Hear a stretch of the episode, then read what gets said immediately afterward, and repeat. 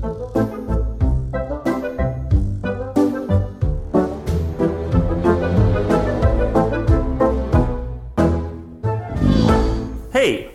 Du lyssnar på en helt nystartad podcast med namnet Moderna Tider. Det här är en skapelse som tar sig an skilda fenomen och händelser från det som definieras som den allra modernaste delen av vår historia. Vi försöker dissekera och förstå världens utveckling och mående från 1700-talets andra halva fram till våra egna dagar. Till min hjälp har jag en rad olika experter som reder ut begreppen på ett förståeligt sätt. Jag heter Stefan Hjalmarsson och ska fungera som någon form av programledare för det hela. I detta, i sig historiska första avsnitt, ska vi röra oss drygt 100 år tillbaka i tiden, nämligen till 1905 och berättelsen om hur unionen mellan Norge och Sverige gick mot sin upplösning. Den 7 juni 1905 förklarade norska stortinget unionen med Sverige upplöst. Detta efter att den gemensamma kungen Oscar II inte kunnat utse en ny norsk statsminister. Därmed anser en enad politisk församling att unionsakten från 1814 mellan de båda länderna är överspelad. Men hur kom det sig egentligen att Norge och Sverige hamnade i gemensam union 1814? Och hur nära var det att allt eskalerade till krig under sommaren 1905? Personen som ska berätta mer om det här är Torbjörn Nilsson. Han är professor i historia vid Södertörns högskola. Efter att ha arbetat som journalist disputerade han 1994 vid Stockholms universitet med avhandlingen Elitens svängrum, Första kammaren, staten och modernismen 1867 till 1886. I övrigt har mycket av hans forskning rört den svenska högerns historia och dess förhållande till moderniteten. Ja, men välkommen till podden då Torbjörn. Tack för det. Eh, vi ska ju prata om eh, unionsupplösningen 1905 idag. Eh, jag tänkte liksom att vi kan börja från början lite grann. Hur kom det sig att det blev en union mellan Sverige och Norge från början? Ja, det är naturligtvis en, en, en, en vettig början därför att eh, unioner uppstår ju inte bara så där slumpartat även om det kan finnas en del tillfälligheter med det utan egentligen beror det ju, kan man säga, att det är en följd av eh, Napoleonkrigen i eh, Europa i början på 1800-talet som eh, på något sätt, på många olika sätt drog om gränser och medverkade till att nya stater kom och eh, överhuvudtaget påverkade väldigt mycket under ett antal år. Och eh, där var ju då, om man ska säga, Sverige var ju bara inblandad till viss del under de här krigen men man var ju framförallt inblandad i att eh, ett krig, ett av många krig, men krig mot eh, Ryssland 1808-1809. Alltså under den tid då, då Napoleon också härskade och eh, det var ju ett, ganska, var ett, så att säga, ett eh, misslyckat krig för Sveriges del och eh, det ledde ju till att eh, den finska delen av Sverige, alltså man ska inte tala om Sverige och Finland som två länder i ett, fram till eh, 1809 här utan alltså att det var en del, lika mycket som, eh, som Finland var en del av det svenska riket, som, som Skåne var och, och som eh, Gävleborg var och så vidare. Så det, det, det, var en del av det svenska riket men det, den delen, den östra delen alltså, som man idag kallar Finland, den blev liksom den ryska vinsten av kriget så att eh, Finland blev vad man kallade då ett eh, ryskt eh, storfurstendöme. Och det innebar ju då att Sverige, det kan man ju säga, menar, en, en, en viktig del av riket bara försvann, en del av befolkningen och allt möjligt gjorde den här förändringen. Så att eh, Sverige var då nere för räkning kan man väl säga på sätt och vis. Och det ledde ju också till att eh, kungen Gustav IV Adolf avsattes och fick gå i exil ute i Europa. Och där han flyttade omkring fram till ja, någon gång 1840 vad det var. Så att, eh, och då kallade man ju då in en eh, Bernadotte från den franska sidan, från en av de, Napoleons lyckosamma marskalkar, Jean Baptiste Bernadotte som då kom att kallas Karl Johan och blev kronprins i Sverige och sen så småningom några år senare blev han kung. Då.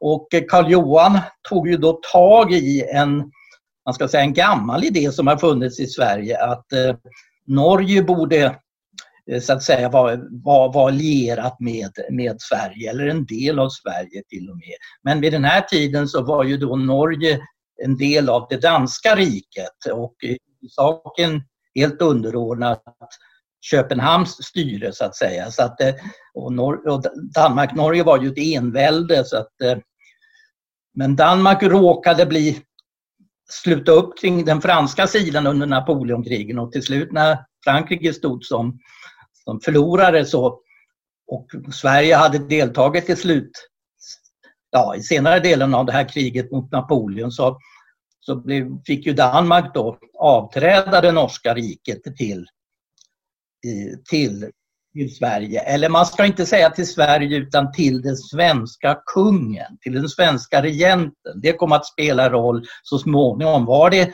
var det liksom Sverige som hade, kunde inlämna Norge eller vad var det?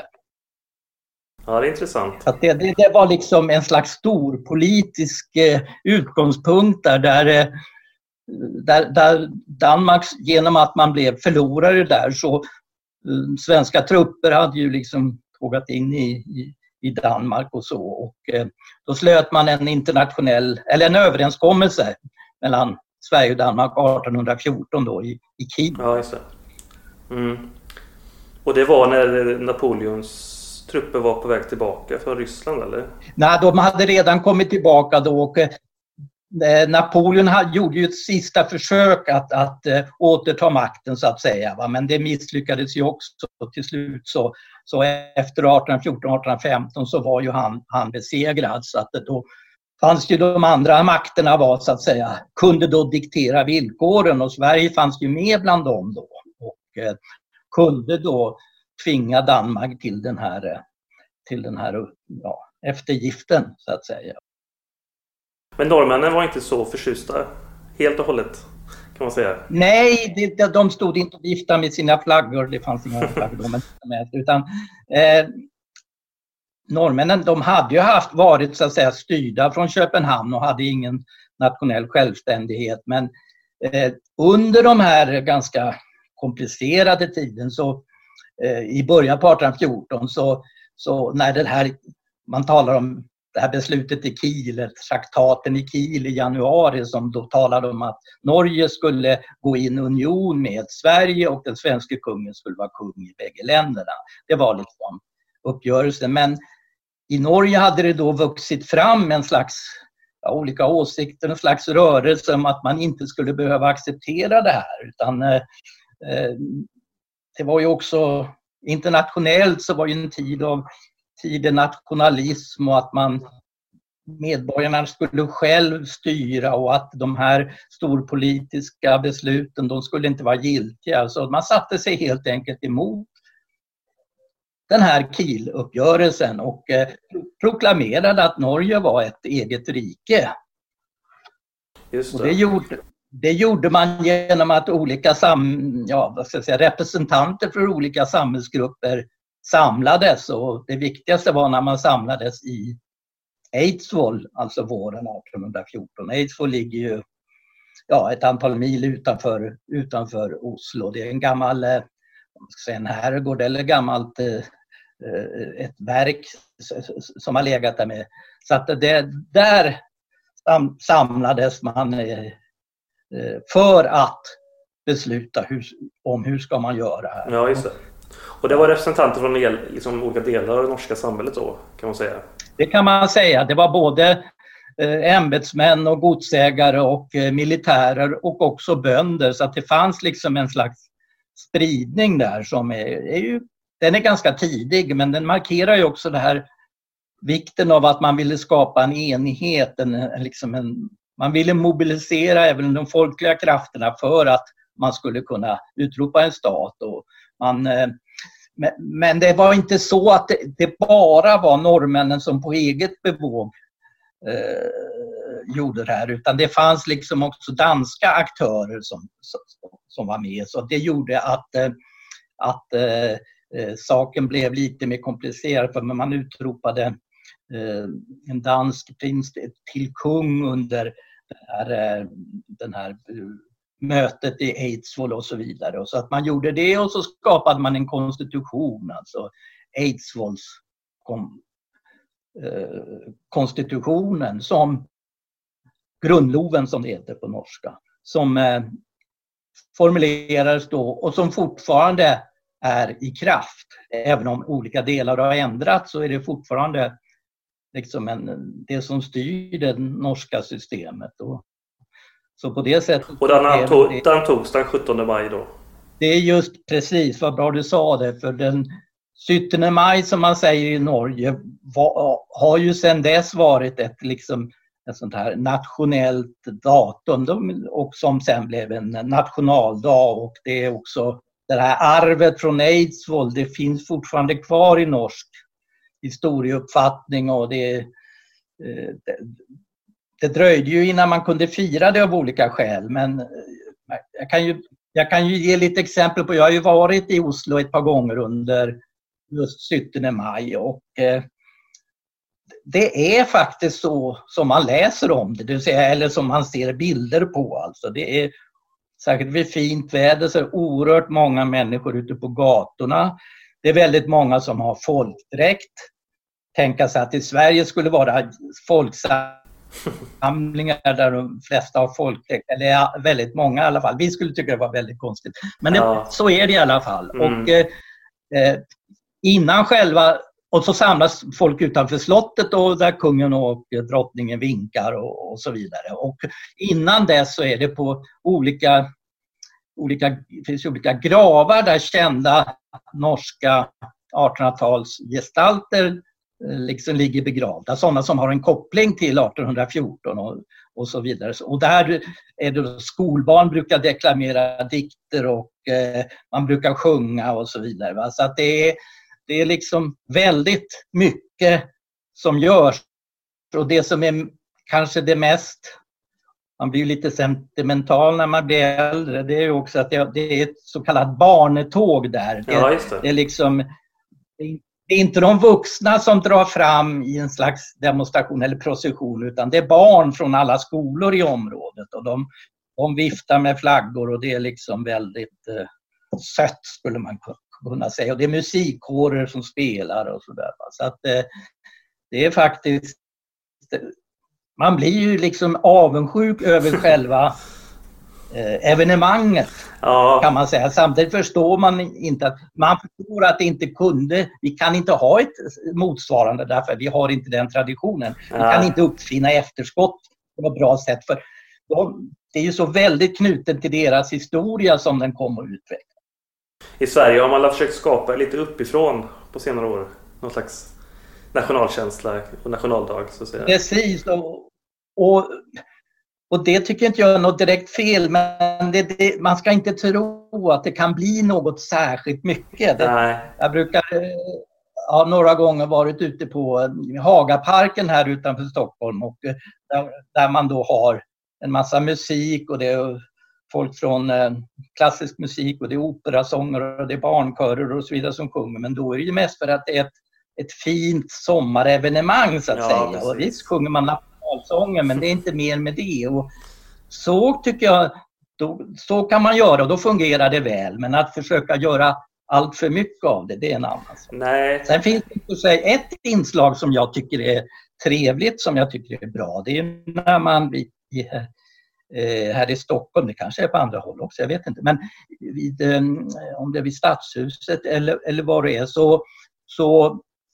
alla de som har fått blivit svenska, har man blivit svensk medborgare under året så, kan man, så får man ett slags, ett slags eh, evenemang just för dem. De liksom välkomnas in i Sverige genom just den här evenemanget på, på den 6 juni. Det, ja, men det, det tror jag man har i många kommuner. Jag tror de har det här också. Ja, ja. ja. Precis. Ja, det är en trevlig... Eh, så det har ju etablerat sig och det tycker jag är en, det är en väldigt bra del av det hela. Absolut. Men eh, vi får vara lite avundsjuka på den, på den norska sidan. Men jag tänkte just på det med Norge och att de firar. Men har du fått en uppfattning om norrmän liksom känner till historien? Varför de firar? För i Sverige så när man frågar folk så vet ju folk ofta mm. inte ja. mannen på gatan riktigt var 6 juni nej, nej. kommer ifrån. Nej, Nej, alltså, men i Norge så det finns ju med fortfarande i, liksom i, i skolorna och så vidare. Och sen genom det här stora 17 maj-firandet som har sån historisk koppling just till den dagen då man skapade sin konstitution. Och det är inte bara att det är därför utan he, genom hela historien från 1814 till idag så har liksom den dagen liksom markerats och den har också i vissa tillfällen haft en viktig politisk roll. Så att det har ju gjort att man har byggt en tradition under 200 år och sen har man då fortsatt att liksom eh, eh, markera det. Men det är klart att det kan eh, på viss del så har det väl kanske runnit av en del men det blommar ändå upp just den 17 maj. Så att eh, det, det är en väldig skillnad. Det märkte jag när jag samman i, fram till år ja, 2005, alltså åren innan där, så var jag med i ett projekt som sysslade med unionsfrågan och eh, medan man i Sverige kunde konstatera att överhuvudtaget unionen var kunskaperna om den var väldigt svaga. Medan i Norge så var det i alla fall klart mera. Så att ska man då också se bland mera professionella historiker och andra, även där är ju kunskaperna ganska svaga. Men jag, ja, jag, jag har inget större minne av att man talade så mycket om det i skolan när jag gick i skolan. Nej, det gjorde man säkert inte. Och det, så att eh, det är ju liksom... Och, och det, det ska man ju också samtidigt inte bara beklaga sig över och säga att vi är så dåliga på historia utan en orsak är ju faktiskt att den här unionstiden, skapandet av unionen och unionstiden var inte lika viktig för Sverige. Alltså i Norge är den liksom nationsgrundande och det har liksom blivit en milstolpe i en historisk utveckling. I Sverige så var det mera som en, ja, en parentes som, där varken ingåendet av unionen eller upplösningen egentligen var så viktig. Så att vi måste också förstå att det har att göra med hur viktig en händelse har varit. Och det, det har den norska sidan svårt att förstå att det inte var så stor sak. För de har ju utifrån sin historia så tänker de att ja då är den väl viktig för alla men ja. så enkelt är det inte. Men vi var, ju, vi var ju där vid 1814, vi ja. blev inte riktigt färdiga där om vad som hände. Ett par saker man bör kanske lägga till där. Eh, vi nämnde ju då, jag nämnde ju då att norrmännen utropade den här konstitutionen mm. och ville då vara ett självständigt stat. Men det kunde ju då inte den svenska sidan acceptera och då följde det då ett kort krig mellan Sverige och Norge sommaren 1814 och det är ju då eh, liksom det senaste kriget i, i, som, där Sverige mm. deltog. Och eh, det blev ett ganska kort krig och inte så stora förluster. Norska försvaret var ju ganska svagt och eh, så att eh, det blev en, det blev en, en, liksom en stillestånd och en så småningom under hösten så kom det sen en uppgörelse där man liksom där man kom fram till att unionen det skulle bli en union mellan Sverige och Norge den svenska kungen skulle, skulle då vara kung på bägge håll så att säga. Men den eh, norska konstitutionen som norrmännen på egen hand så att säga skapade tillsammans med den här eh, danske prins Kristian Christian Fredrik då. Han fick ju sen åka tillbaka till Danmark. Men så att norrmännen kunde behålla det här, det här liksom inre självstyret som de fick 1814. Ja de, de fick då en för sin tid ganska avancerad politiskt system där en större inflytande från olika folkliga grupper, särskilt bönderna då, och man skulle då alla inrikesfrågor, norska inrikesfrågor, skulle ju då beslutas i, i eh, liksom av den norska regeringen tillsammans med den norske kungen som då också var svensk. Ja, just det. Alltså, ja. Alltså att det, finns då, ofta så stöter man på den här uppfattningen att den, unionen innebar att Norge liksom styrdes av Sverige och att eh, besluten om Norge togs i Sverige och att det egentligen var ett och samma land och så vidare. Men det är helt fel. Det var två länder med olika konstitutioner. Man kan säga att de hade varsin kung men det råkar vara samma person, så att säga en person. ja, just det, precis. Men man hade egna egen militär, egna ämbetsverk och dessutom gränser mellan länderna. Så att eh, på det sättet så var det en ganska... Eh, ja, det, det var en ganska svag union, eller i alla fall en ganska eh, lätt light kan man säga. Union light kan vi men nu sågs det på, alltså fanns det krafter i Sverige som tyckte att, att man gav norrmännen för mycket äggstyre? Det fanns det faktiskt redan vid den där tiden, det är helt riktigt. Det fanns de som menade att att Karl Johan som då var den som i praktiken ledde landet hade varit för eftergiven. Han skulle ha liksom eh, krävt, han skulle inte gått med på de här vad ska jag säga, norska Eh, kraven och man skulle passat på, om man säger så, att eh, inlämna Norge i det svenska riket. Det fanns sådana idéer också. Det fanns en viss kritik mot Karl Johan i början av 1800 ja, 14, 15, 16 och så vidare. Men eh, Karl Johan var ju framförallt en väldigt försiktig politisk person så att säga. Han, han, han ville inte ta, gå längre än, än, vad han tänkte att han skulle kunna klara av. Så att, och dessutom fanns ju en omvärld också. Det, man hade ju kommit överens om att det skulle vara en, en union på ett visst sätt och då skulle kanske knappast de andra makterna godkänna att Sverige skulle så säga, Nej, just det. Det är klart det spelar roll också. Ta över hela Norge ja. på det sättet. Utan mm. Sverige var ju ingen stormakt här. Och, eh, Nej. Så det, det, hade nog, det, hade, det, det är ganska orealistiskt att tänka sig. Men hur som helst, det fanns en del som tyckte att det här var att ge norrmännen för mycket. För jag tänker att det kanske fanns vissa som hade förhoppningar om att liksom Finland skulle återerövras. När, alltså det, det är helt klart. Det, det var en aspekt som jag helt tappade bort där. Alltså, det fanns ju... Dels så, så kunde man se att från Karl Johans strategiska syn så han menade ju att det var ingen mening att försöka återerövra Finland. Eh, alltså Karl Johan ansåg att det, Finland var så svårt att försvara. En lång gräns, ryssarna kunde komma när som helst och, och välla in där. Och det hade de ju faktiskt gjort redan i slutet på 1700-talet. Sverige hade inte riktigt kunnat förhindra det. Och eh, däremot var en samarbete, för militärt så kom ju de här två unionsländerna att kunna ses som en enhet. Det var, mycket, det var liksom Norge och Sverige ihop är mycket mera lättförsvarat än, än Sverige och Finland om man säger mm, så. Precis. Så för Karl Johan så var det liksom, han, han, han slöt goda förbindelser med den ryske tsaren men det fanns de som menade att det här var att svika det liksom eh, gamla svenska delen österut så att säga. Och att det, var ändå 600 år av eh, gemenskap och så vidare. Och det kanske fanns förhoppningar om att eh, han var ju liksom, man såg väl honom som en skicklig militär och sådär som kanske skulle kunna ja. ta tillbaka Finland. Sen vet jag inte hur... För en del var ju det anledningen till att, till att, han, till att man valde honom. Ja, jag menar det. Sen vet jag inte hur realistiskt skulle vara att Sverige skulle kunna återerövra Finland från ryssarna vid den tiden. Nej, det... det. Sen, men de här tankarna fanns ju något decennium framåt ja. också så att säga. Va? Men, men visst det, låter det väldigt äventyrligt ja. i alla fall. Ja. Vilket ibland militära önskedrömmar kan ju vara äventyr.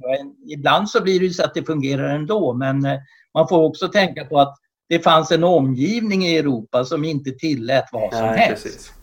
Och Sverige var ingen stark maktfaktor eller stormakt vid den tiden heller som du säger. Nej, nej.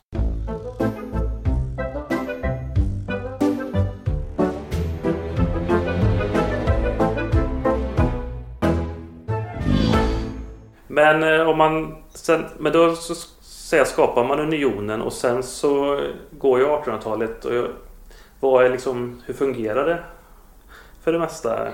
Ja, man kan ju säga att den, det man talar ibland om unionens lyckliga tid och det, när den hade så att säga kommit igång och sen så när man hade börjat kunna utnyttja vissa fördelar med unionen från båda sidor så att säga Alltså, eh, man kunde underlätta handel mellan länderna och det, det fanns liksom olika saker som gjorde att det här blev en fungerande union.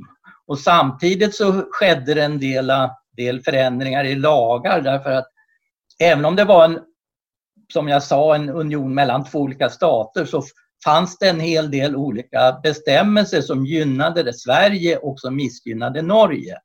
Och det har allt ifrån att rätten att ha egen flagga till eh, olika andra bestämmelser. Mm. Så att norrmännen försökte ju hela tiden verka för att eh, liksom, för att det skulle bli helt likställt. Och det, men man måste förstå att de norska den norska kritiken mot Karl Johan den, den, var inte total utan han var ju ganska omtyckt ändå så att säga. Eh, han står ju ändå staty i, i Oslo mitt framför att, eh, men, Och gatan men, heter ju fortfarande Karl Johan. Ja precis, det är den finaste gatan där. Men de norska protesterna under unionens tid, i alla fall fram till 1880 eller kanske mer, 18, mitten på 1880-talet och så vidare. Det handlade inte om att unionen är fel, den ska upplösas. Vi måste bli självständiga, utan det handlade om rättvisa inom unionen. Och det kunde bli skarpa motsättningar mellan den norska sidan och den svenska sidan. Eller mellan olika sidor i Norge också, för det var inte så att alla norska grupper var eniga utan det fanns liksom en mer folkliga grupper. Bönderna som började växa fram, det fanns eh, intellektuella i städerna och så vidare. Och så fanns det de som var mer lierade med överheten. Så mm. Det fanns också interna sådana motsättningar, precis som det fanns i Sverige. Men, men man, man får inte göra misstag och tänka sig att norrmännen från 1814 till 1905 var liksom inriktade på att union unionen måste upplösas. Det, det, man var emot, man försökte försvara sitt eget, själv, sitt eget rike 1814 men sen kom unionen, då var man liksom inne i det systemet, man försökte göra det mer rättvist och steg för steg så blev ju unionen mer likställd. Jag skulle till och med vilja säga att när väl unionen hade börjat blivit så kraftigt kritiserad, säg 1890-tal och så vidare. Då hade den nått den här rättvisa utformningen. Mm, ja, Men då var det liksom för sent. Då hade det kommit andra frågor, nationalistiska krav. ja, det var ju väldigt, ja, precis. Andra delen av 1800-talet är ju väldigt nationalistiskt präglat. Där flera stater bildas, Tyskland och Italien och, och sådär. Så det är, det är en strömning som klart är svårt att hålla tillbaka i den tiden. Absolut. Man kan ju också liksom tänka lite, hur hade hänt? Det fanns ju också naturligtvis nationella rörelser i, i, i Finland, ja. alltså under den ryska tiden. Och, eh, hur hade det fungerat om Finland hade varit en del av Sverige? Då hade det funnits en väldigt stark nationell rörelse mm. som kanske hade haft sina krav. Vi vet inte ja. vilka, det är bara att spekulera. Men eh, nu kom ju den nationella rörelsen i Norge som eh, växte fram. Väldigt, den hade ganska fol väldigt folkliga rötter också. Den var också mycket inriktad på politisk demokrati och den var, den var liksom... Det var inte en, eh, vad ska man säga, en expansiv nationalism, alltså som ville erövra områden, utan den var liksom inriktad på den egna, det egna området. Och Eh, nationalismen kan ju också bli krigisk och militaristisk. Ja. Det fanns sådana drag också så småningom i Norge men, men i huvudsak så var det ju den politiska arenan som, som, som det utspelades. Alltså. Och där var ju norrmännen väldigt skickliga under slutet av unionstiden så att säga. Ja, för du sa att på 1890-talet så växer då kanske tanken fram då om ett självständigt Norge långsamt ja. kan man säga. Ja. Eh, men och sen 1905 då så blir det ju skarpt läge. Varför är det just 1905 som det händer så att ja, säga? Det hade ju kunnat, ja, det kan man ju fråga sig. Men eh, det som gällde från 1890-talet var att Norge allt kraftigare började kräva ett eget utrikesdepartement. Man ville ju, det man tyckte att man var så att säga, fortfarande var i underläge, det var ju utrikespolitiken. utrikespolitiken hade ju av tradition en, så att säga, en stark kunglig prägel och det minskade ju i Sverige under 1800-talet men fortfarande var ju kungamakten, det som fanns kvar, var ju främst inriktad just på eh, utrikespolitiken. Och man menade då att det var de svenska intressena som gick före på, på något sätt där. Och eh, därför så började man Egentligen så vill man, kräva, vill man ha ett eget utrikesdepartement. Mm. Så att det skulle finnas ett utrikesdepartement i Norge och ett i Sverige. Och det är klart man kan tänka att där fanns väl baktanken att det inte skulle gå utan att helt enkelt så skulle man gå skilda vägar. Men det var i alla fall krav. Och för att kravet inte skulle verka alltför eh, långtgående så, så, så, ställde man kravet på att Norge skulle ha ett eget konsulatväsen. Det fanns ju alltså runt om i Europa och i världen så fanns det ju svensk-norska konsulat där man då skulle tillvarata svensk-norska intressen och då fanns det en kritik i Norge att de här konsulerna de, de liksom vidareförde bara svenska intressen så därför måste vi ha ett eget konsulatväsen. Eh, det är ju, det, finns ju de som har tittat närmare på det och är väl lite tveksamma till om det var så. Jag, har ju också tittat på den här konsulatverksamheten och mm. det, var många norrmän som blev eh, konsuler och det var, vissa senare tidpunkter var det en majoritet så att säga. Så att, Norge fick nog igenom sina intressen där men det var en politiskt viktig fråga så att därför blev det mer liksom ett politiskt krav medan de vad ska jag säga, företagare och andra kanske inte alltid tyckte att det var, behövdes men man slöt upp kring det här nationella kravet därför att det hade en mobiliserande ja. roll. Så det var mer retorik egentligen kan man säga? Eller?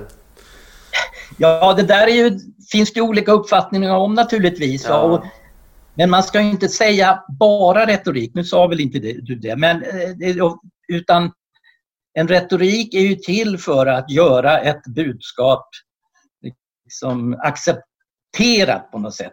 Man lindar in det man säger, man framför argument på ett visst sätt därför att motståndaren ska tvingas eh, ge med sig så att ja. säga. Så att, men det, det, är riktigt på det sättet att det var mera politisk realitet än ekonomiska behov, skulle ja. jag vilja säga. Men därmed inte sagt att det inte fanns vissa ekonomiska behov också för det. Men i huvudsak så var det en följd av den här utvecklade kraven på vi ska också sköta vår utrikespolitiken från, från Norge. Så att säga. Och då var det, var det eh, under 1890-talet så blev det en väldigt krisartad situation kring 1895 därför att Norge hade ju då eh, beslutat, det norska stortinget, alltså, mot kungens vilja, då hade man beslutat om att det skulle inrättas ett norskt konsulatväsen. Ja, just det. det, det då blev ju väldigt stark eh, vad ska jag säga, spänd situation mellan Sverige och Norge. Och eh, liksom det var, man tog vissa steg mot militär rustning och så vidare. Så att när man ibland talar om att det var så nära att det kunde ha blivit krig 1905 brukar jag säga. Det var absolut inte nära 1905 men möjligtvis var det i alla fall något närmare 1895. Då. Men vi kommer till det, till det så småningom. Men alltså det, det, den här tiden från 1890 till 1905, det finns olika sådana här kriser. Och efter en sån här kris, så, 95, så backade norrmännen och så blir det då på typiskt svensk och väl även norskt sätt. Man tillsätter olika kommittéer för, ja, för att på något sätt försöka sy ihop det. Och eh, det fanns man, man förhandlar och förhandlar. Man förhandlar och man hittar möjligheter och så vidare. Och det var ju svårt att på det sättet få en enhet kring det. Så att det var som att man gick fram och tillbaka under de första åren här på 1900-talet. Men så skärptes ju konflikten sådär 1904, 1905 då. För det är väl också så att eh, norrmännen blir väl också mer enade liksom in, in, inrikes så att säga, politiskt mellan olika sidorna? Absolut. Från, från, från början så kan man ju säga så de som stod för den tydliga, mer tydliga norska nationalismen eh, var ju då mer liberala krafter mm. och bonderörelser och så vidare. De som utgjorde partiet Vänstre. Så att de norska partierna, de stora partierna, de grundades ju som utifrån hållningen i unionsfrågan. Det var inga svenska partier. Våra Folkpartiet, Socialdemokrater och så vidare bildades ju inte på grund av unionskonflikten. Det är helt främmande för oss att tänka ja. sig den Men i Norge så skapades partiväsen just på grund av att den här så viktiga frågan. Och Vänstre blev då de som ledde den här kampen och de konservativa, högern, var då mer motvilliga. Men man ska inte överdriva det utan ja, det finns ju också forskare som har visat hur ganska viktiga grupper inom högern också i huvudsak slöt upp kring de här nationella målen men man kunde delvis kanske ha en annan mer försiktig taktik. Kan man säga. Men, och det innebar ju också att det fanns större enighet än vad man tänker sig kanske eh, om man talar om två bekämpande partier så att säga. Så i Norge som du säger så, så blev ju uppslutningen kring, liksom, kring politiken blev allt tydligare. Och då kan man då säga så i samband med att den här frågan om konsulatväsendet var uppe så, så stoppade kungen då när han var i det norska statsrådet, norska regeringen, så stoppade han då det förslaget. Och Oskar II då? Då, då avgick de, den norska regeringen. Kungen, eh, det vill säga här, det är ju Oskar den andra här. Ja, här, här eh, kungen för, förklarar då att han, att han han ville, han ville liksom förbjuda det, att de avgick. Så att säga. Han ville ja. tvinga tillbaka någon som regering. Så han förklarade då i något uttalande som var viktigt att han nu inte kunde bilda en, eh, en ny norsk regering. Därför måste de tillbaka. Och det här var Medan i, Norr, i Norge tog man då fasta på det. Det fanns alltså väldigt duktiga jurister och eh, politiker på den norska sidan, de tog fasta på att kungen hade ju sagt att han inte kunde bilda en ny norsk regering. Det innebär ju att han hade avsagt sig ja. rätten till Norge. Mm. Det innebär att Norge därmed kunde vara en fri stat. Ja. Och så förklarade man det då. Det finns en massa intressanta episoder i det där hur man ville förhindra att det kom eh, vissa meddelanden från Oslo till Stockholm eller motsatt håll så man liksom råkade ställa ett tåg på rälsen och så vidare så att inga tåg kunde passera och så vidare. Det finns mycket sånt där. Ja. Men hur som helst så, så, så, blev ju följden då att norrmännen förklarade då den 7 juni 1905 att Norge var ett fritt land, ett helt självständigt rike och så var det med det. Så att men när man det... talar om... Ja, ja jag tänkte just ja, bara att... Ja, men svenskarna var inte så jätteförtjusta i det då. De var inte heller... Det kom ju som en chock ja. i Sverige. Det, För det stora... Det alltså, väldigt... Revolution skrev tidningarna mycket. En norsk revolution, så att säga. Precis. Och, och eh, folk samlades vid Rosendals slott här i, utanför Stockholm här, där eh, där kungaparet, kungen var ju ganska gammal vid den här tiden, mm. han levde ju bara två år till. Och eh, där samlades tusentals människor och eh, man ville visa sin, sitt stöd för kungen under den här svåra tiden. Och kungen grät, eller om det var drottningen, jag kommer inte ihåg. Men det var i alla fall liksom en nationell manifestation för att stödja kungen som på ett så skändligt sätt blivit av med den norska tron. Men var det en manifestation från liksom olika delar av samhället?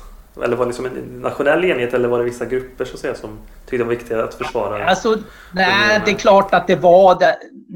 Det är klart det var mera kungatrogna naturligtvis mm. och de som också accepterade i större utsträckning kungens roll i samhället och så vidare. Men man får nog också förstå att även in i en del liberala led så, så blev man ju upprörd över händelsen. Det fanns liksom liberaler som menade, de hade ju sedan länge stött de norska kraven därför att de norska kraven var ju slags led i samma rörelse för liksom medborgarnas makt och för parlamentets roll och mot kungamakt och så vidare. Så att mm. eh, de, de hade sina vad ska jag säga, stödjepunkter i Sverige under lång tid. Det, men de, då menade att det här beslutet det var liksom så här plötsligt och det var så närmast revolutionärt och det, det, det, skapades ilska bland Norgevänner i Sverige också och en del, för en del blev det så att man då vände sig emot det norska. För, för en del andra var det att man försökte förklara och förstå det här. Men det är också intressant naturligtvis att det var ju så under hela 1800-talet att det började komma upp liberala krafter i Sverige som försvarade de norska kraven vid olika kriser. Mm. Men de hade det inte alltid så lätt därför att det som skedde i Norge blev väldigt snabbt då, debatter i Sverige också. Det fanns ju tidningsväsen och det var liksom, jag har ju sett hur man redan 1830-talet och 1840-talet så är det liksom tidningsdebatter som går mellan svenska och norska tidningar. För de, tidningarna nice. kom över mm. kanske dagen efter eller någonting sånt där via tåg och det blev liksom en ganska livaktig debatt och då fanns det på den svenska sidan både Norgevänner och Norgefiender och de senare kunde vara ganska hetska. Och på den norska sidan så fanns det dels de som ville gå längst, eh, vänstersidan, men också högersidan. Så att det fanns liksom eh, olika parter på olika... Ja. olika det var inte bara nationella gränsen som styrde? Nej, det, är ju, det finns ju också den här politiska skillnaden. Och, eh, men det gjorde ju också att svenska liberaler som i vått och torrt försökte försvara Norge, de, ibland så blev ju de överraskade över vad som hände och då blev de blev på något sätt beskyllda för, för, för det hela. Ni som har försvarat de norska vänstermännen hela tiden. Eh, vad säger ni nu då? Är det rimligt? Och de har liksom begått våld på unionstanken och så vidare. Det var, inte alltid så lätt att försvara det Nej. på, av attacker. Va? Men jag tänkte så också att, på att eh, det var ju en växande arbetarrörelse under den här tiden. Hur, ja. såg, man, hur såg man på unions... Ja, arbetarrörelsen, det var ju i allmänhet alltså stödde den norska, norska sidan, alltså de ja. norska kraven på, på, på frigörelse. Det, eh, och det fanns ju också en liksom, eh, samverkan då mellan norska och svenska rörelser. Eh, också arbetarrörelser och andra. Så att det var ju naturligtvis en, en viktig sak. Men samtidigt så i riksdagen så var ju arbetarrörelsen fortfarande väldigt svag. Ja, Bestämmelser och så vidare. Så att, eh, det, arbetarrörelsen kunde, kunde inte ge den vad ska jag säga, det stöd som man hade kunnat göra om det hade varit en annan sån situation. Nej, Men den, den, var en, det fanns många som verkade för att när nu norrmännen kommer här kravet så skulle inte Sverige svara med något med några hot eller med några hårda åtgärder utan det var lika bra att man accepterade det som det var och sökte hitta en lösning för hur man skulle gå vidare som skilda stater. Ja. Men det var inte alla som... Eh, det fanns grupper som var väldigt så här emot att man skulle gå, gå på det här hållet. Det fanns också en och annan som tyckte att vi borde visa norrmännen vad som gäller och ja. militärt som försvara Sveriges heder och ena med det andra. Ja, jag tänkte just på det för att sen blir det ju någon slags period där från juni till augusti är det väl där man träffas i Karlstad sen då för någon slags förhandlingar. Ja.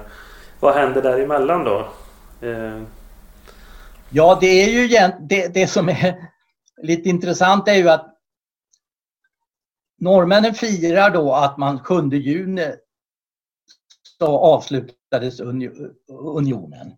Men det gjorde den ju egentligen inte därför att eh, det blev ju så att, så att säga förhandlingar och så framöver. Men det som hände under sommaren det var ju då att som ett led i den här trots allt diskussionen mellan länderna så ställde Sverige kravet att det skulle vara en folkomröstning mm. i Norge. Och eh, för att på något sätt kunna visa om unionsupplösningen hade något stöd bland medborgarna där. Och det är ju, i efterhand är ju det ett väldigt märkligt krav, att det var från Sveriges sida var krav på ja. detta. Därför det kom ju att användas på en fullständigt förödande, också skickligt sätt från den norska sidan för att använda det som ett vapen. Därför att det blev ju en mobilisering kring när man i augusti skulle folkomrösta. Ja. Det är också fel att, att vi talar om det som folkomröstning för då tänker vi oss att man ska välja alternativ A ja. eller alternativ ja. B, hur det ska bli och så vidare. Ska vi bygga ut kärnkraften ska den avvecklas, ena med det andra. Men här var det inte det utan frågan gällde om man så att säga accepterade den politik som den norska regeringen hade fört som ledde fram till att man utropade sig som egen stat. Det vill säga om man, man skulle i efterhand säga ja eller nej till vad den norska regeringen hade gjort. Och då blev det ju en fullkomligt formidabel mobilisering kring ja.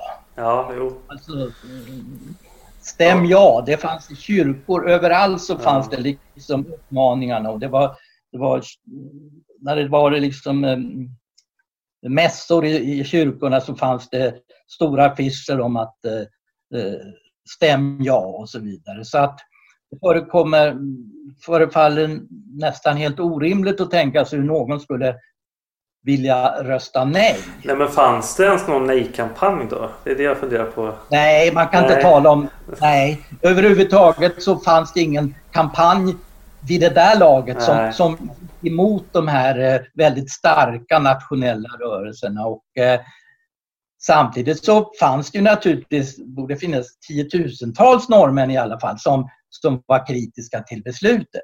Men det var liksom inte möjligt att manifestera det. Så att eh, när det blev då ett, eh, när man hade ett folkomröstningsresultat, vad var det nu igen? Var det sådär kring 270 000, det var ju begränsad rösträtt, ja. kvinnorna fick ju inte det men 270 000 för ett ja och vad var det? Var det 183 70, eller 84? 183, bra! 183 som röstade nej. Och det är naturligtvis ett fantastiskt resultat som knappt de nordkoreanska ledarna kan, kan idag Nej, precis. Det är svårslaget rekord. Det är svårslaget. Jag brukar eh, har vid flera tillfällen eh, när jag hållit föreläsningar i Norge om, om unionsupplösning så brukar jag ta till, säga någonting om att eh, nu har, nu har det ju gått många år sedan, men det var i alla fall den dåvarande mm, industriministern Björn Rosengren som ja, ja. Han, han, hade då, det var då svensk-norska förhandlingar om eh, samverkan mellan Telia och eh, ja, Telenor. Det. Mm, det minns jag. Eller lite sam, samgående eller ja. någonting sånt där. Och Rosengren som var en, eh, han kunde ju vara lite, uttrycka sig lite drastiskt och han, han var då lite misslynt över att den norska sidan var, att det var så krångligt. Ja. Så han, han, han, han, sa då att, eh, jag tror det var så att han, det var inte meningen att det skulle höras och så vidare, men han sa att eh, Norge det var det sista, sista Sovjetstaten. Ja, just det. Ja. Det, var här, det här var ju då efter att Sovjet hade upplöst och så vidare. Så att Norge var den sista eh, Sovjetstaten. Och då har jag, då har jag vid ett antal tillfällen an, liksom använt den formuleringen att jag började tala om att jag, Rosengren talade, sa ju att Norge var den sista Sovjetstaten. Men, men ska man se på den här folkomröstningen hur den organiserades så var ju Norge snarare den första Sovjetstaten. Ja, just det. Ja, ja. och det, det får man säga till den norska, norska sidans heder att de, de tycker det är roligt. Ja, så det brukar applåderas. Ja.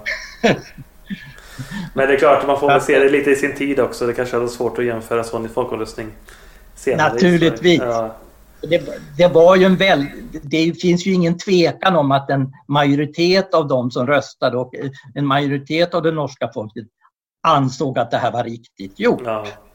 Det, det, är liksom oavsett hur man eh, skojar kanske om hur många gener och andra så, så fanns det en väldigt stark opinion på alla sätt för att nu när man var i den här situationen, det var ju även norska högern var ju helt för att man skulle fullfölja det. Så, vidare. så att eh, och det lyckligtvis också så kan vi då säga att eh, man i, Norge, eh, i Sverige så skapade man då en mera bredare regering där liberaler och konservativa, höger och vänster så att säga, fanns med. Och, mm.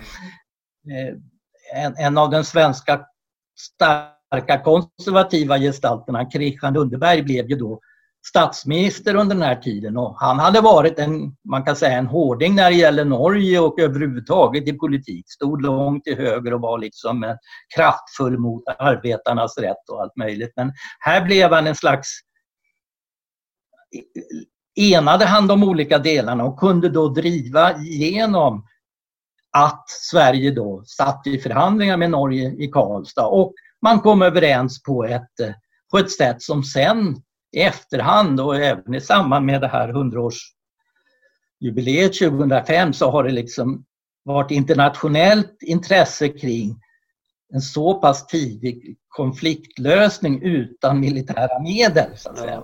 Att det som då för en del svenskar såg som ett pinsamt nederlag för Sveriges ära och så vidare har sen i efterhand blivit ett slags att visa hur vi här uppe i Norden kan lösa svåra konflikter utan, utan militära medel. Mm. Att då, då, då har liksom den här krisen vänts till en slags nationell ära, om vi säger ja. så. Ja, precis. Men jag tänker, eh, men då träffas man i Karlstad då. För Sverige köper ja. folkomröstningen. Man ifrågasätter inte det, liksom, att han är liksom lite märkligt gjord eller så. Nej, för den, det, det är liksom för sent ja. för det. Man hade ju liksom själv haft med det i, i, i, i sina krav så att säga. Va? Så att, eh, och den, hade ju, den, var ju, den var ju liksom förändrade ju inte Sveriges eh, så att säga rättigheter eller möjligheter att antingen driva en hård politik eller en mjuk politik egentligen, för det var ju normen bara som röstade så att säga. Ja. Men, men det var ju naturligtvis ett politiskt nederlag. Och, men vid den, vid den tiden så tror jag att det redan var, det fanns... långt. Ja, det hade det. Och det, fann, liksom de, det fanns ett antal olika personer, en del hög, någon hög militär, någon konservativ politiker och någon författare och så vidare som, som var väldigt militanta. Och ibland i samband med när det skrivs om unionsupplösning så brukar man gärna plocka fram sådana för att också skapa en bild av att så nära det var att det blev krig mellan Sverige och 1905. Jag, jag menar ju att det är starkt överdrivet. Samtidigt så får man ju också... För man måste ju också tänka så här, vad, låt oss tänka att det skulle, skulle bli en militär konflikt mellan Sverige och Norge 1905. Vad skulle Sverige strida för? Ja, jo, det är en bra fråga. Att fortsätta unionen på samma sätt som tidigare. Ja. Det verkar ju helt uteslutet ja. om, om, man, om det måste en militär aktion till för det.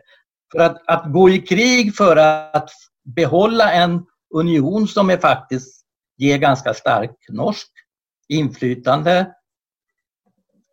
Det verkar också liksom väldigt konstigt så att överhuvudtaget så att använda militära medel är ju väldigt svårt i sådana här sammanhang. Men det verkar ju mest handla om prestige i så fall. Möjligtvis. Det är, det är, det är ju vad det handlar om. Och det är frågan om det är värt att gå i krig för. Eller hur många som ska Det tycka. kan man ju alltid, ofta ja. fråga sig. Och, eh, Men jag förstår som att för Oscar II var det väl en prestigeförlust att han liksom fick uppleva unions... Att tappa Norge. Absolut, liksom. det är klart att det var det. Och, eh, han fick ju också mycket sympati på det sättet att man menade att han på sin ålders höst skulle förlora det ena av sina riken så att säga. Det låg ju bakom mer royalistiska krafter. Eh, och, det, och där finns det, det kan man ju naturligtvis förstå för han, han var ju ingen, man ska inte se Oscar den andra som någon slags eh, vad ska jag säga, något försök att, vara, att styra och ställa i Norge med alla sätt utan han var ju liksom, han var i Sverige så han ville hålla på kungamakten, han ville motverka de här demokratiska mm. krafterna. Men han var ju samtidigt så var det, behövdes ju skapas en uppslutning kring politiken så att i, i, i unionsfrågan så blev han inte, kan man inte säga att han var någon, vad ska jag säga, stridens man utan han försökte hitta något som kunde tillfredsställa både den svenska och norska sidan. Han var ju faktiskt kung i bägge. Ja, precis. Inte bara i Sverige. Va? Så att det, under 1880 och 90-tal i Sverige så uppkom det en väldigt stark Norgekritisk konservativ rörelse som också var protektionistisk, som mm. också mot, motarbetar de demokratiska kraven, som också var starkt kungakritisk. Ja. Ja, det är intressant. Så att det fanns en sån konservativ ytterrörelse som menade att, och det finns en del ganska festliga, äh, festliga kanske är fel att säga nu, men i alla fall ganska drastiska utlåtanden om man, när man talar så illa om kungen som liksom har tänkt mera på släkten Bernadottes eh, förmå, eh, liksom möjligheter ja. än på det svenska rikets historiska traditioner. Och det var ju sådana som försvarade kungadömet. Det menar de att de fortfarande gjorde. Men de försvarade inte Oscar som svensk kung. Nej. Så, att, där, där, så att på det sättet så kan man ju säga att det var mindre svårt för honom ändå att liksom som kung ändå vara med och genomföra det här. Va? Han hade ju fått kritik mot från höger, ytterhöger under längre tid. Så samtidigt så får man ju säga då också att han fick ju en lovord för att han liksom ändå kunde vara med och genomföra det här. Mm. Och att han, eh, det, det, var ju liksom, kunde också vara något som kunde vara en pluspoäng. Men han levde ju bara två år till. Ja, han fick inte uppleva riktigt efter Nej, han, fick, han hann inte bli på det sättet så populär. Nej.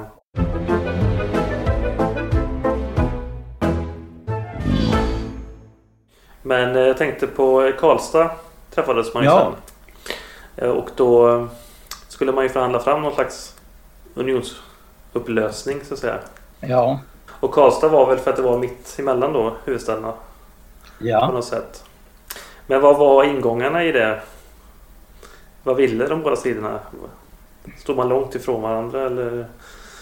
Ja, det, det är liksom... Det, kan man säga både ja och nej. På, på, på, på sätt och vis så eftersom det var hårda förhandlingar och det liksom krisade under de veckor som förhandlingarna varade. De reste tillbaka till respektive huvudstäder för att liksom konferera och så vidare och sen återsamlades man igen.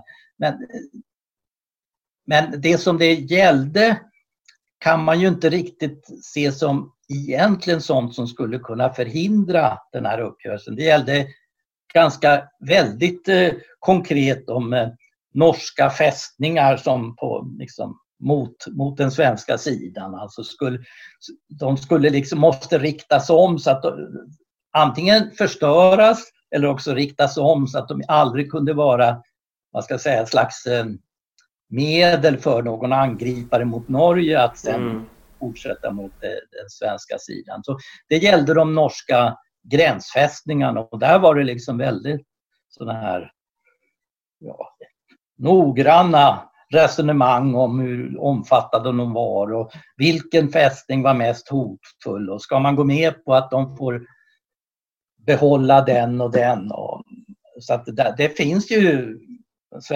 och de frågorna diskuteras i den här eh, bland de här förhandlarna och bland, också i den svenska regeringen som då ska ge direktiv till hur de ska handla. Och, eh, där finns ju naturligtvis ändå delar av ett rationella krav så att säga. För man, man kunde ju då inte bara utgå från hur var situationen nu utan hur skulle det vara om 20 eller 50 år om mm. någon stormakt kanske, eller den ryska sidan kunde komma norrifrån och angripa Sverige över Norge och så vidare. Det, det, det, för oss kan det ju verka lite verklighetsfrämmande men man måste nog ändå förstå att det uppfattas åtminstone som en viktig fråga. Och till slut nådde man ju då en kompromiss naturligtvis även där. Norrmännen tvingades riva någon fästning och så fick behålla de övriga och en annan fästning skulle rikta om kanonerna. Så att, eh, och, så. och sen handlar det också i och för sig om eh, renbeten och sånt. Eh, som, eh, eh vilket naturligtvis har kopplingar in i nutid också. Eh, Eh, renbeten i, på den norska sidan som, som där svenska samer har haft ren, sina renar betande på den norska sidan och det blev ju då försvårat genom det här kan vi säga. Och det är ju också upphovet till en hel del eh, eh ja, vad ska jag säga, kritik och verksamhet från svenska samer idag. Hur de, det kom ju någon bok för eh, ett antal månader sedan som handlade om just om hur samer som tvingades flytta då på grund av det här, på grund av 1905. Eh, någon slags tvångsflyttning. Jag, jag har inte läst den och jag har inte alla liksom delar klara för mig men vad jag förstår så är det en följd av det som man kom överens om i Karlstad som sen blev då tydligt negativt för den svenska samerna som av tradition hade vant sig vid att de kunde ha sina renar på vinterbeten på den norska sidan. Ja just det, det var inte gränser där på samma sätt. Nej, det var, på den tiden så var det liksom inte så. Det var trots allt union och det var liksom, man kunde hitta sätt att göra sådana här saker. Men mm. 1905 så blev det ju också för den norska sidan viktigt att markera att man var en helt självständig stat och allting som påminde om någon form av eh, svensk-norsk samverkan och så vidare. Det, det var inte lika. Nej, klart. Utan, så det var, ju, det var ju ett antal år då man brukar säga att det var lite frostigt mellan, mellan eh, svenska och norska. Men, men det, det finns alltså en, jag känner en norsk forskare som har sysslat mycket med olika föreningar som på sen senare delen av 1800-talet, svenska föreningar, idrott, vetenskap, eh, kultur, allt möjligt som har haft, varit liksom nordiska konferenser av olika slag. Det var ett, liksom ett uppsving för det. Det fanns jättemycket sånt där. Det avstannade ju 1905 då. Norrmännen ville inte delta i, i, i sådana när Sverige var med. Och, eh, det var också eh, ett stopp för, hur var det, om det var fotbollsmatcher eller om det var något som hette Nordiska spelen blev liksom inställt eller också blev det Nordiska spel utan Norge, jag kommer inte riktigt ihåg. Men alltså det var på alla plan så var det liksom ett slags upphörande av den här typen av eh, svensk-norsk förbrödring, försystring så att säga. Men det dröjde ju inte så länge innan det kom, i, kom igång igen. Sen kom det i första världskriget och så Men efter från 20-talet och framåt så, så var det ju, i alla fall på det sättet, så var det ju de här, vad ska jag säga, såren och misshälligheterna var ju, får man väl säga, borta på, i någon reell mening. Sen att det kunde finnas olika, ja, mer eller mindre skämtsamma saker och även en del olika synsätt naturligtvis. Va? Men även under andra världskriget så uppkom ju det vissa händelser som sen blev en liksom lite, vad ska jag säga, sårig del av det svensk-norska samarbetet och, och, så vidare. Va? Så att, eh, då, och då, du menar att norrmännen ja, alltså, tyckte att svenskarna det, övergav dem på något sätt? Eller? Ja, visst det fanns några sådana exempel och eh, svenskarna försvarade sig och så vidare mot det. Men man kan möjligtvis säga att, de, att den här eh, vad ska jag säga, den norska kritiken mot det svenska agerandet den, den kanske blev mera hårdare därför att man också hade en slags historisk referensram hur man har fått kämpa mot det svenska för att få det som man tycker är rimligt. Alltså det fanns trots allt en inte alltför lång, alltså en tradition som inte bara var någon generation bort egentligen. Ja, där kanske ens eh, äldre släktingar hade varit, eh, hade varit med så att säga. Så det, sådana där historiska erfarenheter dyker upp naturligtvis och blir sen kanske större av, av det som sker. Va? Så ja, det, det, det, är intressant att se hur eh, sådana här eh, äldre konflikter trots allt kan leva kvar även ja. om man i det här fallet löste det på ett fredligt sätt. Så mm inte vissa skavanker kvar. Men man nådde ett avtal då ändå i Karlstad ja. till slut. Ja. Och eh, hur var reaktionerna på det? Var man nöjd? Pressen ja. och sådär i Sverige? Ja, ja men alltså det, det, fanns ju, det fanns ju faktiskt en opinion i Norge, alltså en minoritet, men ändå som menade att man skulle inte man skulle inte gå med på resultaten i Karlstad. Man skulle överhuvudtaget inte sitta och förhandla med svenskarna. Det fanns en, man kan säga en militant minoritet som, som liksom röstade emot i norska stortinget, röstade emot överenskommelsen. Eh, I Sverige så, så var det ju inte alls så. Det fanns de som fortfarande så att säga så menar att man hade varit för eftergiven och så vidare. Men det var ingen inflytelserik grupp och det var liksom eftersom förhandlingsdelegationen i Karlstad hade ju nära kontakter med regeringen.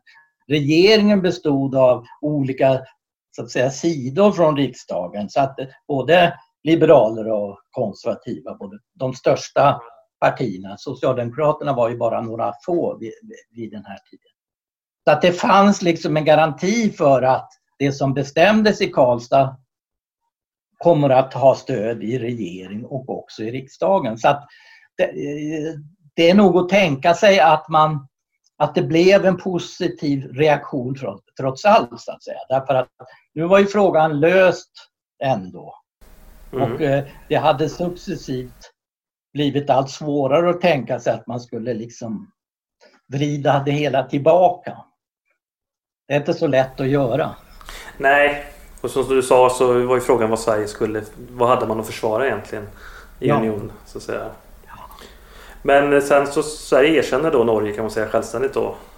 Ja, precis i samband med det här eh, efter eh, att de bägge sidorna har accepterat eh, den uppgörelsen, Karlstad-traktaten eller Karlstad-fördraget, som, och det finns lite olika beteckningar, som man kom fram till då så har så lägger då Oscar II ned sin norska krona kan vi säga.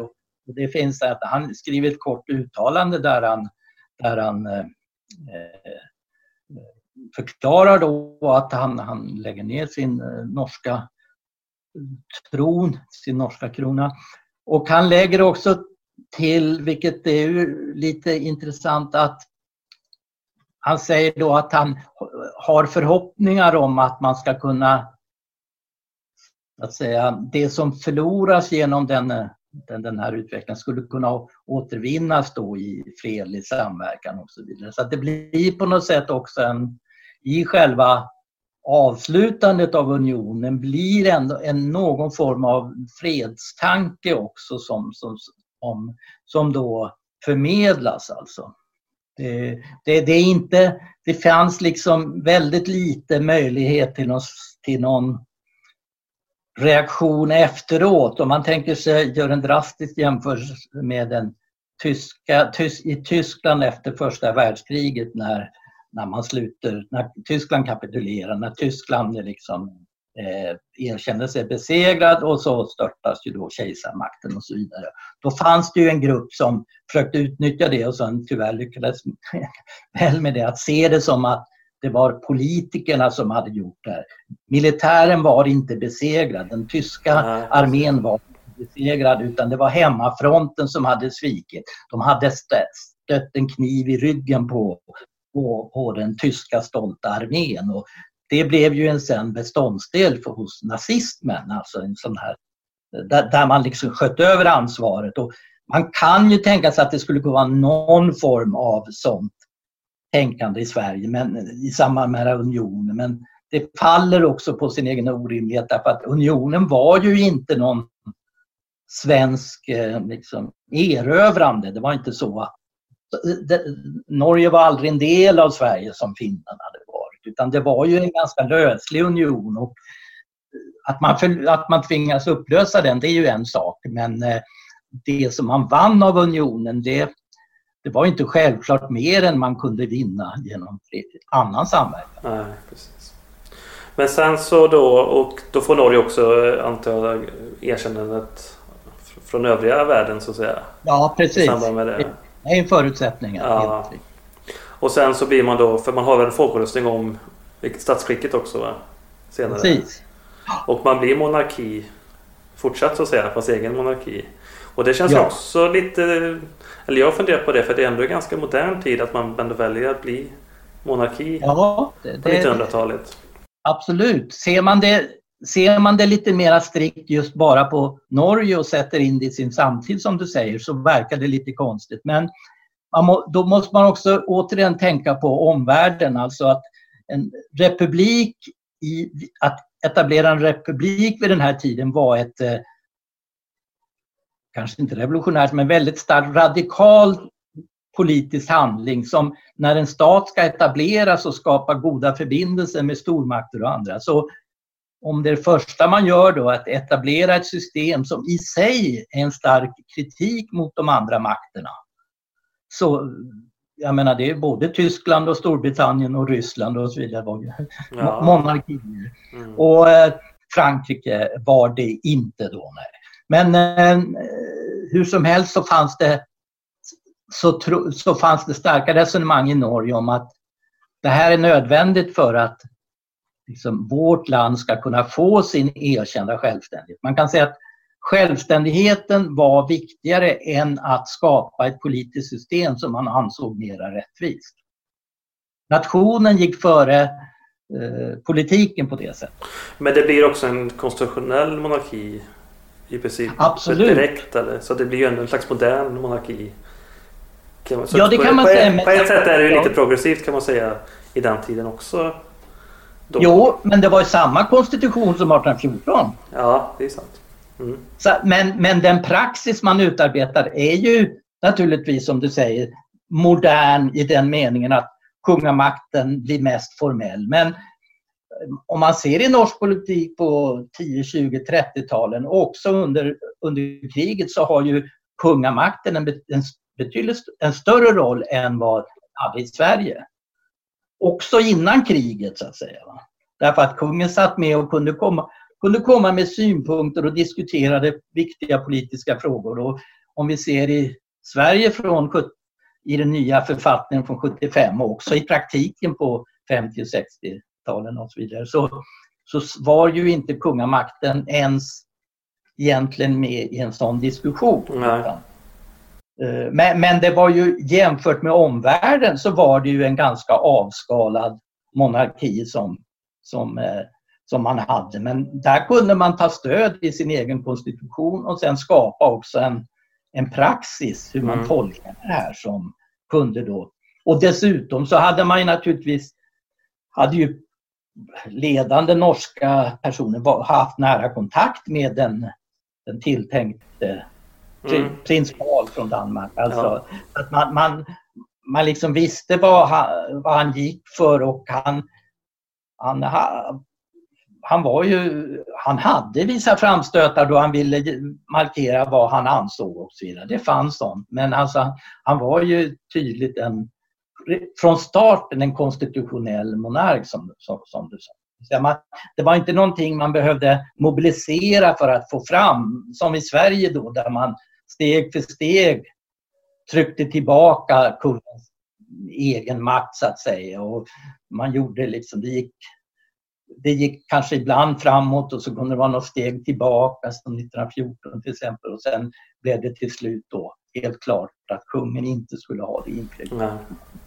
Så att i Norge kunde man då redan från dag ett, som man säger, eh, ha då ett sådant system som men det var, ju, det var ju också en folkvald monarki på ett annat sätt än det var i Sverige. Ja, det är ju väldigt intressant att man, man ställer folket inför en, en folkomröstning som då gäller Ska vi ha, demokrati, eh, ska vi ha eh, monarki eller, eller republik? Och, eh, där kan vi säga att de här krafterna som var emot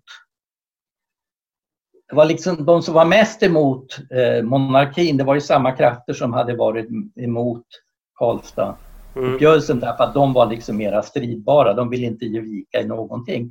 Men det, i huvudsak så, jag kommer inte riktigt ihåg hur, hur majoriteten var, men nog var det minst tre fjärdedelar som mm. röstade för, för monarki i alla fall. Så det var väldigt tydligt eh, resultat, det får man säga. Men det var också tydligt för de ledande politikerna som kanske egentligen skulle kunna tänkt sig en en, en republik. Att ja. Det här är en viktig del och också en självklar del när vi nu är i den här situationen. Ja, det är det man tänker lite så. Men det kanske var lite för tidigt då. Egentligen, för jag tänker liksom Finland blir ju självständigt tiotal år senare och de blir ju en republik till exempel. Då. Ja, det, det, eh. men där kan man ju säga att jag vet, det, jag har inte tänkt så mycket på det. Varför blev man... Men jo, men där måste man ju också lägga till att faktiskt Finland försökte bli monarki. Ja, just mm. Man hade ju städslat en tysk prins att bli den första regenten. Men sen, och det var väl snarare att genom att det försöket misslyckades så var på något sätt monarkin lite förkastad också. Ja. Att när sen Tyskland kapitulerade så, så föll den, den, det försöket. Men man kan säga att det första alternativet, plan A, det var ju en tysk prins till, norsk, äh, till finsk kung. Och sen så när det föll så kanske man, ja då har vi plan B. det viktiga är liksom att det blir en självständig stat och så vidare. Sen ja. kanske man man kan väl säga kanske att det, i Finland har ju aldrig de här vad ska jag säga, monarkiska ritualerna och symbolerna funnits. Men Norge har ju haft sina, på medeltiden så har man en hel flora av kända kungar. Man har under den danska tiden så har man ju haft en kung i, i, i Danmark som liksom också var liksom mer en del, en del också i det norska livet på ett annat sätt. Så att det kan vara sånt som spelar in också. Men jag tänkte lite, om vi ska försöka sammanfatta lite grann. Ja, Eller det kan du summera lite. Eh, du var redan inne lite på det att det blev ändå ganska snabbt ganska goda relationer mellan Sverige och Norge mm. efteråt. Och jag tänkte bara egentligen fundera lite på eh, om unionen hade överlevt. Hade varit någon... Hur hade det sett ut idag? Eller hade han liksom gått under tids nog ändå? Eller hade det varit... Hade unionen överlevt så kanske det hade varit ungefär som nu ändå liksom mellan Sverige och Norge. Eh, eftersom det som sagt Unionen var ju så självständig, var ju, Norge var ju så självständig ändå i unionen. Ja. Ja, det, det, är ju väldigt spännande med sådana där som man säger kontrafaktiska ja. frågor. Vad hade hänt om inte? Och eh, lika spännande som det är, lika svårt är det ju ja. naturligtvis. Men, men man kan ju börja resonera i olika riktningar kanske. Mycket av det som hände Norge under 1800-talet, norsk nationell utveckling, man byggde upp fasta institutioner, man utvecklade landet. Det gjorde man ju inom unionens ramar så att säga. Där var unionen inte något hinder för en sån utveckling. Men det var ju inte särskilt mycket svensk-norska samarbete på olika slag under unionstiden. Nej. Utan det kom ju trots allt mer efteråt. Alltså genom att unionen var liksom att det var en ansträngd situation, åtminstone under årtionden mot slutet, så var ju det kanske ett hinder för svensk-norsk samverkan och utveckling. Men om den då hade fortsatt, ja, hur hade den kunnat överleva in i, liksom, in, in i nutid?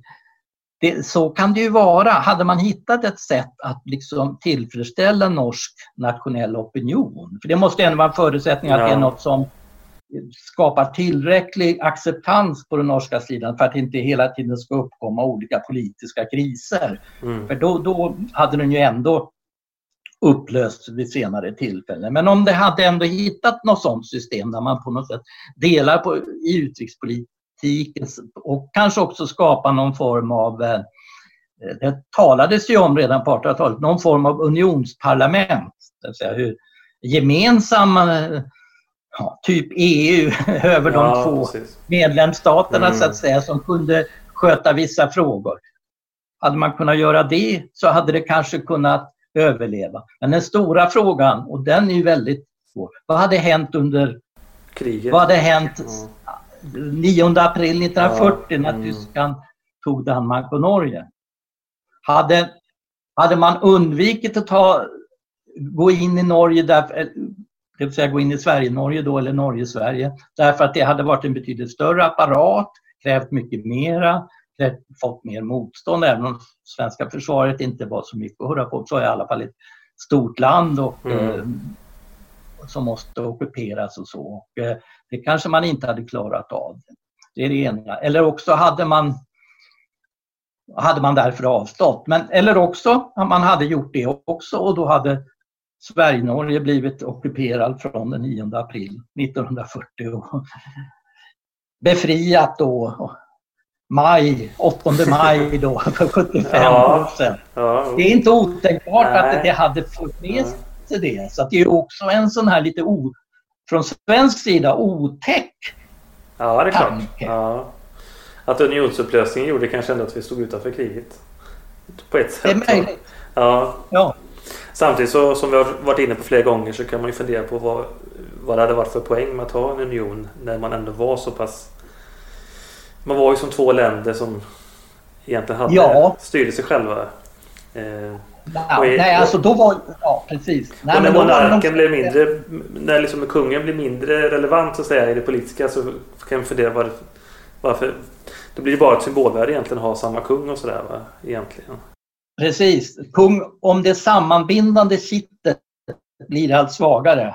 Ja. Då blir det ett problem. Så att säga. Nej, men då skulle förutsättningen vara då som jag menar att olika former av samverkan på olika slag mellan kanske också ämbetsverk och företag och framförallt att hitta en politiskt sammanbindande organ.